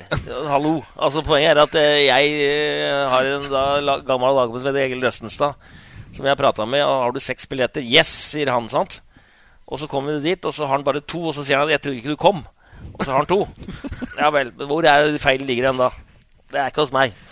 Men uh, jeg skjønner hva du, hva du mener. Det var vel på den turen jeg mista passet av alt til Kai Kristiansen. tror jeg, Så Han har ikke sagt noe om det. Nei, men jeg gjorde det. Så jeg mista sekken med, med passet hans. Det er også artig, vet du. Da bodde jeg i Stavanger. Så mista jeg Nei, jo, vi bodde jo i London, Vi tok tog ned. Ja. Men iallfall så mista jeg passa i en sånn sekk med lobby og, billetter. Men jeg hadde mitt eget pass et annet sted, så det hadde jeg. Men Kristiansens billetter til flyet og alt det gikk jo til, til Dundas. Og jeg trodde jeg hadde glemt den i en drosje. Så jeg ringte liksom da hittegodskontoret for drosjer i London og skulle stave Statsfjord 128. Det var State Nei, vi ga opp. F. George Junitsen. Ja, så jeg fikk, det, det passet er borte. Men han sier jo at det er siste gang du får, får sånt ansvar, eller fikk, fikk, det ansvaret, sier Kristiansen. Altså. ja, jeg har ikke fått det etterpå. Jeg må si at jeg ikke får det. Og så har du vært i VM og sett på Tyskland, nei, Mexico og Portugal. Ja. Og da Dra, prøver du å dra i gang litt sang? Ja, jeg gjør vel det på eh, Det var jo feil sang, var det ikke det? Jo, da er historia går på at det var Mexico-Portugal, da. Ja, og Jeg sang 'Viva Spania'. Ja. jo, jo, men det, Liten bommert der. Meksikansk og spansk er jo ganske likt, er det ikke det? Wow, sånn så, I forhold til språk, da. Så jeg føler vel at uh, Men jeg, jeg, fikk jo med meg helt hele da. Altså, det var jo nydelig. Det var, det var grunnlag for sang, i ja. hvert fall. Men det, det, det, det, det er òg litt sånn det, der, altså, det er jo ikke noe å stikke under stol at er, det er jo litt i farta. Sant? Det er litt eh, god stemning og sånn. Og så kommer vi av toget og inn på stadion og inn der, og så er det masse meksikanere som står liksom rundt der du skal kjøpe litt øl og sånn. da. Og jeg begynner vet du, med Mexico. Mm. Og alle er med. med og så er det noen som pirker meg på ryggen. Og så Er ikke du han Vegard Skogheim? og så bare så jeg på, altså. Mexico! jeg følte vel jeg, jeg, tror hun var for Flisa sammen, sammen med gubben sin nedi der. På der. Så ja, det var meg. Vi får uh, hilse fra Kai da og si at uh, til tross for at uh, alt surret som er rundt deg, som han sier, så, så, er du verdens beste kamerat og trofast, og hjertet er akkurat like stort som hodet er bustete, sier han. Så ja, det er bra, det. Er bra, det, er bra, det Kai. hygg, hyggelig melding av Kai. Ehm, helt til slutt, kjapt innom cupen. litt egenreklame der òg de aller fleste lokale matcha De alle lokale matcha ser du på Østlendingen på neste ons tirsdag og onsdag. Uh, Løten, Kiel, Flisa, Elverum, HamKam, Sunne, Gjøviklyn mot Dala og Tynset mot Orkla. Dere skal til Skedsmo. Uh, skal rett borti gata her, ja. Da handler det rett og slett om ikke ryke og drite seg ut? Ja, det handler om mental innstilling og ikke ta det, ta det lett på oppgaven. Skedsmo er jo et bra, bra tradisjonslag, så vi var der med rekruttlaget i fjor, eh, og noen var fra avstand og tapte 8-0. Så vi kan ikke fly bort der og tro at det, er noe, det, er noe, lett match. Hvis, blir, hvis, vi tror det, så blir det ikke lett. I alle fall. Så kan, vi må tro at det er vanskelig, så kan det bli lett. ikke omvendt. Kommer til å stille sterkt, i hvert fall. Eh, antageligvis. Ja, ja, ja. Ikke noen sjanser der. Nei. Nei. Gleda du deg med Kiel i cupfinalen i fjor? Det så litt artig ut. Ja, ja, det ser, så veldig artig ut. Det er klart det er artig. Altså det, den opplevelsen dem hadde ikke minst for, eh, for, at spillere kan jo være et annet sted og få oppleve cupfinalen med et annet lag, men, men det med, med, folket rundt altså, Vi som er som jeg sier, trenere og spillere kommer og går, sånt, men alle de andre som er en Kiel-supporter da, på den tida, eller på den tida i fjor, da, den består. det, og, og, og, de får den opplevelsen at de spillere som var der, den treneren som var der, kan gi den opplevelsen tilbake til publikum. Det er jo det som er artig. Sånt, at du Tenk på, De lever på det, det minnet der. Da. De trofaste Kiel-slita som har vært der siden tidenes morgen og opp igjen 83 og tippeligaen ja, Det heter ikke tippeligaen da, men i hvert fall vi kan kalle det tippeligaen. Og så rykka de ned igjen, og så er de på vei opp igjen. og sånn. Så. Nå har det jo svingt litt de siste 10-15 åra, men det må jo være helt fantastisk at de får oppleve sånn. Jeg skjønner at det var mye, mange som hadde tårer i øya og, og gren. For fotball er følelser, selvfølgelig. og når du får de følelsene, da, da, tror jeg ikke du kommer lenger som Kiel-supporter enn du gjorde akkurat på jeg, jeg, tror det var sterkere nesten opplevelse å slå ut Strømsgodset enn å spille cupfinalen. Opplevelsen på cupfinalen er jo bra, sånn at du kommer til cupfinalen, men de taper jo. Liksom, det, det liksom ikke noe Var det bra? Hæ? Ja, lørdag var bra. Vi var jo i kulteltet. Ja. ja, ja, tok oss en liten tur. Det var uh, stor stemning. Det var jo var ikke bare Kongsvinger-folk, ikke på langt nær. Det var hedmarking fra overalt. Egentlig, sånn. Selv ordføreren på Hamar var jo Kiel-supporter da. Sånt, Han fikk vel litt inn for det. litt refs for det, ja. Nei, men vi må være litt Var ikke Elverum-ordføreren din der, tror du? Sorry på Jo, det tror jeg er helt riktig. Han tror jeg så et lite glimt ja. inn i dusen. så er jo fjerde... Det er mange som kommer da vet når det går bra. Sant? Ikke sant? da, står på, da, står du på skuldra. Tropper opp. Tropper opp. Så er det jo akkurat når vi snakker, så sparkes vi fjerdedivisjonen i gang. Eh, nå er det vel eh, Ottestad mot MBK akkurat nå. Storoppgjør. Eh, storoppgjør på Hias. Eh, Hardtsatsende MBK? Ja. Ja, hvor Eller er de er, det vet vi ikke, men uh, det er i hvert fall Munker, nei, må, Munkenes ballklubb, Domkirkeodden. Ja, ja, og gamle stjerner der, i hvert fall. En del gamle stjerner. Trener veldig seriøst. De få ganger de trener, er vel det som er mottoet. Ja. en gang i uka? en gang i uka. Uh, så har HA da prøvd å sparke i gang en liten sånn diskusjon i dag med hvor mye øl og søvn og matkostholdfokus det er i fjerdedivisjon. Og det er veldig lite liten, Det er få som har problemer med det, sies det. Jeg trodde dette skulle være en publikum, egentlig. Men. Det er vel mange som har Øl det går greit, ikke det? Er, det er søvn og mat som er Ølfokus er nok riktig. uh, vi kjenner deg som en gladgutt, eh, Vegard. Jeg skal avslutte med en litt kjedelig greie. Hvis vi går tilbake til Sarpsborg stadion i 2009, i oktober. Mm. Uh, den opplevelsen der da absolutt alt gikk til helvete. Ja, det, det var jo spesielt. Uh, for det første så gikk jo alle kampene mot oss. Ja, hvilke, ja dere var prøvd å lese meg opp. Ja. Mjøndalen måtte vinne eller måtte tape. Hvis, hvis, hvis dere tapte mot Hønefoss. Ja, Mjøn, og så var det en kamp til.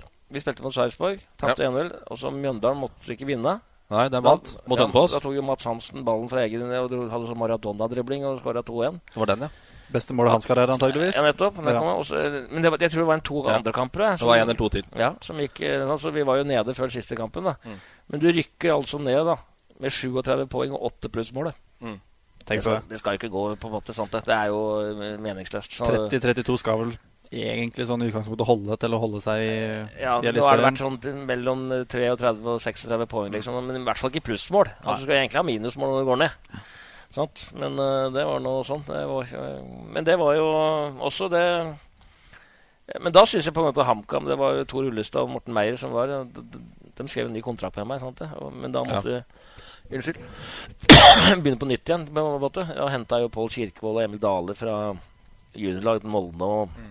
sånne ting. Og vi tapte jo så det sang også på våren der. Hjemmekampa tapte vi jo. Så det sang. sant det. Jeg fikk jo mye Det var ikke hurra for 17. mai da vi tapte 1-0 for Raufoss og lå midt på tabellen i 2010, altså. Altså Raufoss òg, da, av alle lag, så Ja, ja. Også sant, jeg fikk jo høre masse om nye spisser og hele pakka. sånt da. Men uh, Thomas Lene Olsen skåra 27 mål det året, og Pål Kirkevold skåra 16. Det har ikke vært et bedre spisspar i, Nor i Norge i HamKam uh, siden Pål Jacobsens tid, og kanskje en par andre der. Sånn. Nå er begge Eliteserien. Og... Ja. Kirkevold er vel i Danmark nå, så vidt jeg vet. Ja, han er nok på, ja, han er Hobro. Hobro er tilbake i Hobro. Han skårer jo jevnt og trutt der, ser jeg. På Merkelig spisstype, by the way. Ja, men han ble bare bedre og bedre. Ja, men Litt sånn usynlig. Ja, Sterk som en bjørn. Ja, altså, han, var, men, han lærer jo det. Men han, men han, hadde jo en del fakter som måtte lære ham, som jeg følte. Sånt, det var kanskje litt streng mot ham og, og sånne ting. men men han var jo ung, sant det? Og var litt sånn der, hm, hvem var hvor-type. Men jeg tror han, ble jo kaptein i Sarpsborg. Nei, hvor, i, i Sarpsborg. Han var jo kaptein der, tror jeg. Mm. Skårte mye mål, da? Ja. Han var der. Så, I hvert fall eneste sted. Var det Mjøndalen? Eller var det, nei, jeg tror det var Sarpsborg. Så, så, han har jo kommet jo voldsomt. Så, men det er jo der jeg har vært hele tida som, som, som, trener. Jeg må prøve å finne av de, de spillere som ikke alle andre ser, og så prøve å lage dem. Og da, da er det litt moro for deg sikkert å se at de har lyktes òg senere i tid? Og ja, det er klart. Og, ja, og, men jeg er veldig sånn at når jeg først gjør noe så, på, på, den måten, da, så, så satser jeg beinhardt på det. At andre da sier at du må ha nye spillere. Jeg tror veldig på de spillere jeg, jeg trener. Uh, det, sånn er det bare. Og det, og det skulle være mange at du ikke gjør det, men det er jo mange da, som skriker etter nye spillere hele tida for at ikke laget gjør det bra. Jeg, da får jeg gjøre det bra, da. mm. Men det var en, eh, det var en tung dag. Uh, og så Men, det var, det, men HamKam har jo opplevd sånne dager før. Ja, de har det. det, de har det. vi burde, vi burde ha blitt, blitt sponsa av et heisfirma. Eller vi. HamKam. det er litt vi ennå. Ja, uh, jeg skal tilbake til akkurat det med vi der. Uh, og så kom du til våren 2014, bare for å ta det helt til slutt. Da var batteriet tomt. Ordentlig. Ja, det var det. det jeg følte liksom at Gjennom de åra jeg var i HamKam, så måtte jeg på en måte Jeg og Svein Inge Hågenrud da, eh, måtte gjøre veldig mye sjøl. Liksom, det var liksom nesten sånn at klokka kvart på to på dag Ofte, Vi skal jo trene i halv tre. Vi må jo sette opp treninga. Liksom. Du fikk aldri brukt tida på det egentlig du var ansatt som. Det var uh, veldig mye hit og dit. Og du møtte spillere i hver dør, på en måte. Altså i hver dør ja, som skulle ha pass, som skulle, eller ja, utlending skulle ha pass, eller hva det var for noe. Arbeidstillatelse det var hit og dit hele tida. Lite fotball, på en måte. Og det, det tærer på. Og da må du egentlig, for å få ny energi, så må du egentlig ha suksess. Sant? Men jeg merka da gjennom vinteren 2014 og ut der at jeg må ha bra resultater på starten der hvis jeg skal liksom orke dette her. Og så fikk vi jo uh, Silnes beinet sitt mot Hødd først og der og tapte to Nei, ja, tapte kanskje én eller noe der. Var det uavgjort? Jeg vet ikke. Så spilte vi uavgjort mot Kristiansund. Og så kjente jeg at batteriet det var liksom dødt i garderoben. Her, måtte, her trenger de en fyr som er annerledes enn meg akkurat nå. Uh, så jeg gjorde det litt for meg, min egen del, mest for spillere av HamKam. Men da gikk de jo nesten konk to måneder etterpå. Men det viser vel kanskje at jeg og Hågis gjorde mye riktig òg i de åra vi var der, da. For, for vi, vi, gikk jo inn i hver, hver, hvert serieår med, med, minus i økonomi hver gang, liksom. Sant? Så det, det, er jo tungt uh, å gjøre det. Du får liksom aldri, aldri sliter, fred. Sliter det, alt var økonomi og ja. Mm. Så vi gikk jo inn vi som jobba, gikk jo inn med 1,1 millioner også, sant, for å redde klubben da i 2013. Sant? Mm. Og tre-fire måneder etterpå så er de liksom konk igjen. Og sånt, så det, det, det, er tungt det når du må betale din egen arbeidsplass. Du er uh, HamKam tvers igjennom. Er du hatt din siste opptredning med HamKam treningsdress, tror du? Oi, det var vanskelig å svare på, syns jeg. Det, da må man bare si at du skal aldri si aldri i fotball. Eh, akkurat nå er det uaktuelt. Du må ha en god trener og er på gang. Så, og jeg har, har, det bra her jeg, her jeg er. Så, men hva framtida bringer om tre, fire, fem, seks, sju, åtte år, det vet en aldri. Hvor den havner. Det, hadde jeg visst det, så hadde det ikke vært morsomt heller. Vite hvor det, ja. Grønn er fortsatt en god farge. Jeg synes jo det. Jeg er jo født og oppvokst på Hamar og HamKam og Pål Jacobsen og liksom den generasjonen der og spilt der sjøl. Så det er klart at uh, det vil jo alltid være det. Så man, man, man, flytter ikke hjertet sitt selv om man er i andre klubber. Man uh, er profesjonell i de klubbene man er i, og så har man hjertet et annet sted. Sånn sett. Tipper det blir Ullkisa HamKam neste år. Blir fort det. Blir fort det. Ryker. HamKam opp i tippeligaen? Oi, vi er der, ja. Du ville jo ikke si Det i stad, da. Jeg skulle prøve å være morsom, da, men det, det, det gikk jo til helvete, det, selvfølgelig. Skogheim rykker opp, ja. Nei. ja, ja. Overskrifta det på podkasten? Ja, det blir det. Nei, ja, da skal vi dra fram litt gode historier. Strålende, Vegard. Takk for at du fikk komme. Bare hyggelig. Nå skinner sola på Jessheim òg, så da må vi ta oss en tur igjennom at det så det ser ut i solskinn, da. Rånegata. Ja, det er skikkelig det er jo, Taxiplassen er jo rett utafor huset mitt her, sånt, så det er jo ganske artig på fredag lørdager her. Ja, da sitter du bekikkert. Det er det jeg har alltid lurt på når folk blir fulle og sånn utpå her, hvorfor de skal skrike så fælt. Men det gjør du sikkert sjøl, Antakeligvis. Noe så gærent. Det er, det er når man er edru sjøl og ser andre som er fulle, ja, ja. at du ser egentlig hva dumt det ser ut. Så, ja. Selv om jeg bor midt i byen, så har jeg aldri vært ute på Jessheim, så det, det, bare så det er sagt, da. Hold deg her. Jeg har, jeg har vannhula bortover her, men bli hjemme. Ja. Strålende. Følg Østlendingen på Facebook og eh, på nettsida vår. Der er det mye god fotball i vente, og vi sender mye direkte. Det er gøy. Nå begynner breddefotballen å få ja, ja. Det er jo det som er Fotball-Norge. Breddefotballen det er jo tilbake til i stad. Det er jo derfor jeg og Solbakken og dro rundt og så på dette igjen her. For at mm. Eh, det er gøy. Det er jo eh, rett og slett morsomt å, å følge med og sånne ting. Så at breddefotballen er i gang, det da kvitter fugla òg. Det gjør det. Strålende. Da takker vi for oss. Stanley Sandberg, har du klart deg bra? Ja. Jeg syns det har gått greit, jeg. Ja. Jeg syns det, altså.